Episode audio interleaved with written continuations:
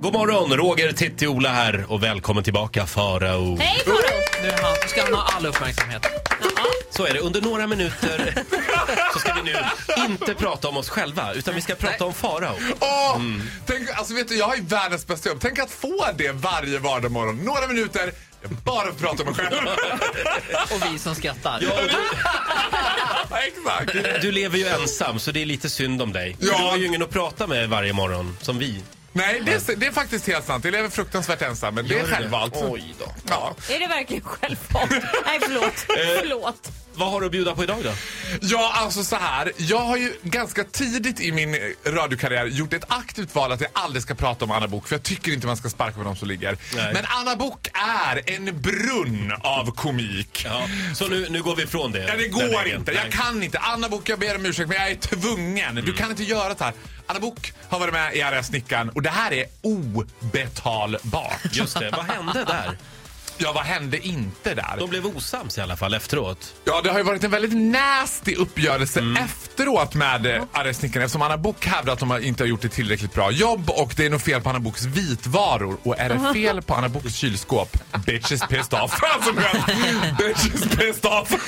Men är det inte alltid någonting med Anna Bok? är det inte alltid fel på Anna Boks kylskåp? Ja, det också. Jo, Alltså, det är jag har alltid inte något man- sett det här, så jag vet inte hur elaka vi är nu. Nej, vet du vad? Men då tycker jag att vi ska lyssna. Jag har ett klipp här. Nu är det så här att eh, det är fruktansvärt. Robertos mamma gick bort för sex år sedan. Det här har lamslagit... Roberto? Roberto är Anna Boks man. Ja. Vilket har lamslagit Anna Bok. Hon är helt oförmögen att ta- ta sig an. Det är så här, de har ett spräckt handfat hemma. Mm. Arga snickaren tar tag i det. Varför har du inte ringt? Eh, vänta här nu. Anna Bo, alltså Robertos mamma dog för sex år sedan. Ja, och det, har gjort att har familjen- lamslagit henne? Ja. Okej. Ja, men vi, vi lyssnar här på Anna Bok svara på varför hon inte har ringt om att få det här handfatet fixat. Och varför ringer inte du då? Som har tiden? För att jag blir lamslagen. Du blir lamslagen. Jag blir lamslagen när jag Varför då? är hemma. Jag, ibland sitter jag på riktigt och ska ringa till elektrikern eller ta tag i det här. Mm. Och så hamnar jag i en telefonkö och jag kommer inte fram. Och då byggs det upp någon typ av panik i mig. Kan du inte bara sätta på Jag bara- högtalarna och gå och koka lite kaffe? Nej, jag ligger på istället. Jag Tänk också här, om man sitter där i en telefonkö. Vi alla har ju varit där. Men när paniken byggs på. Man frågar sig hur klarar Anna Bok vardagen Ja. överhuvudtaget? Eller så är det kanske så här, gör hon det? Nej men, vi- nej, men hörni, vi kan inte vara så elaka. Tänk om det faktiskt är precis så då. Att hon inte det får- är att hon inte helt klarar för- vardagen. Ja, Nej, men det är nog- surt. Men då Precis ska hon så väl det bo är. på något gruppboende eller något?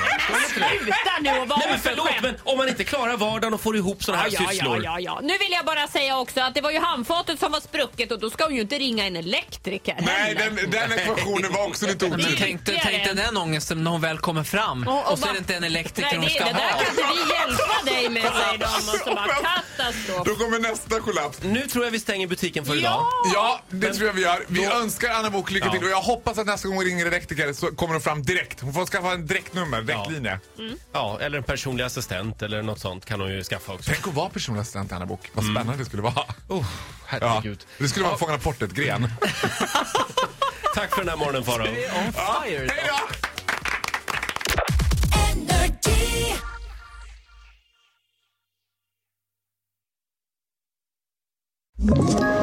Ett poddtips från Podplay. I fallen jag aldrig glömmer djupdyker Hasse Aro i arbetet bakom några av Sveriges mest uppseendeväckande brottsutredningar. går vi in med hemlig telefonavlyssning och, och då upplever vi att vi får en total förändring av hans beteende. Vad är det som händer nu? Vem är det som läcker? Och så säger han att jag är kriminell, jag har varit kriminell i hela mitt liv men att mörda ett barn, där går min gräns. Nya säsongen av Fallen jag aldrig glömmer på Podplay.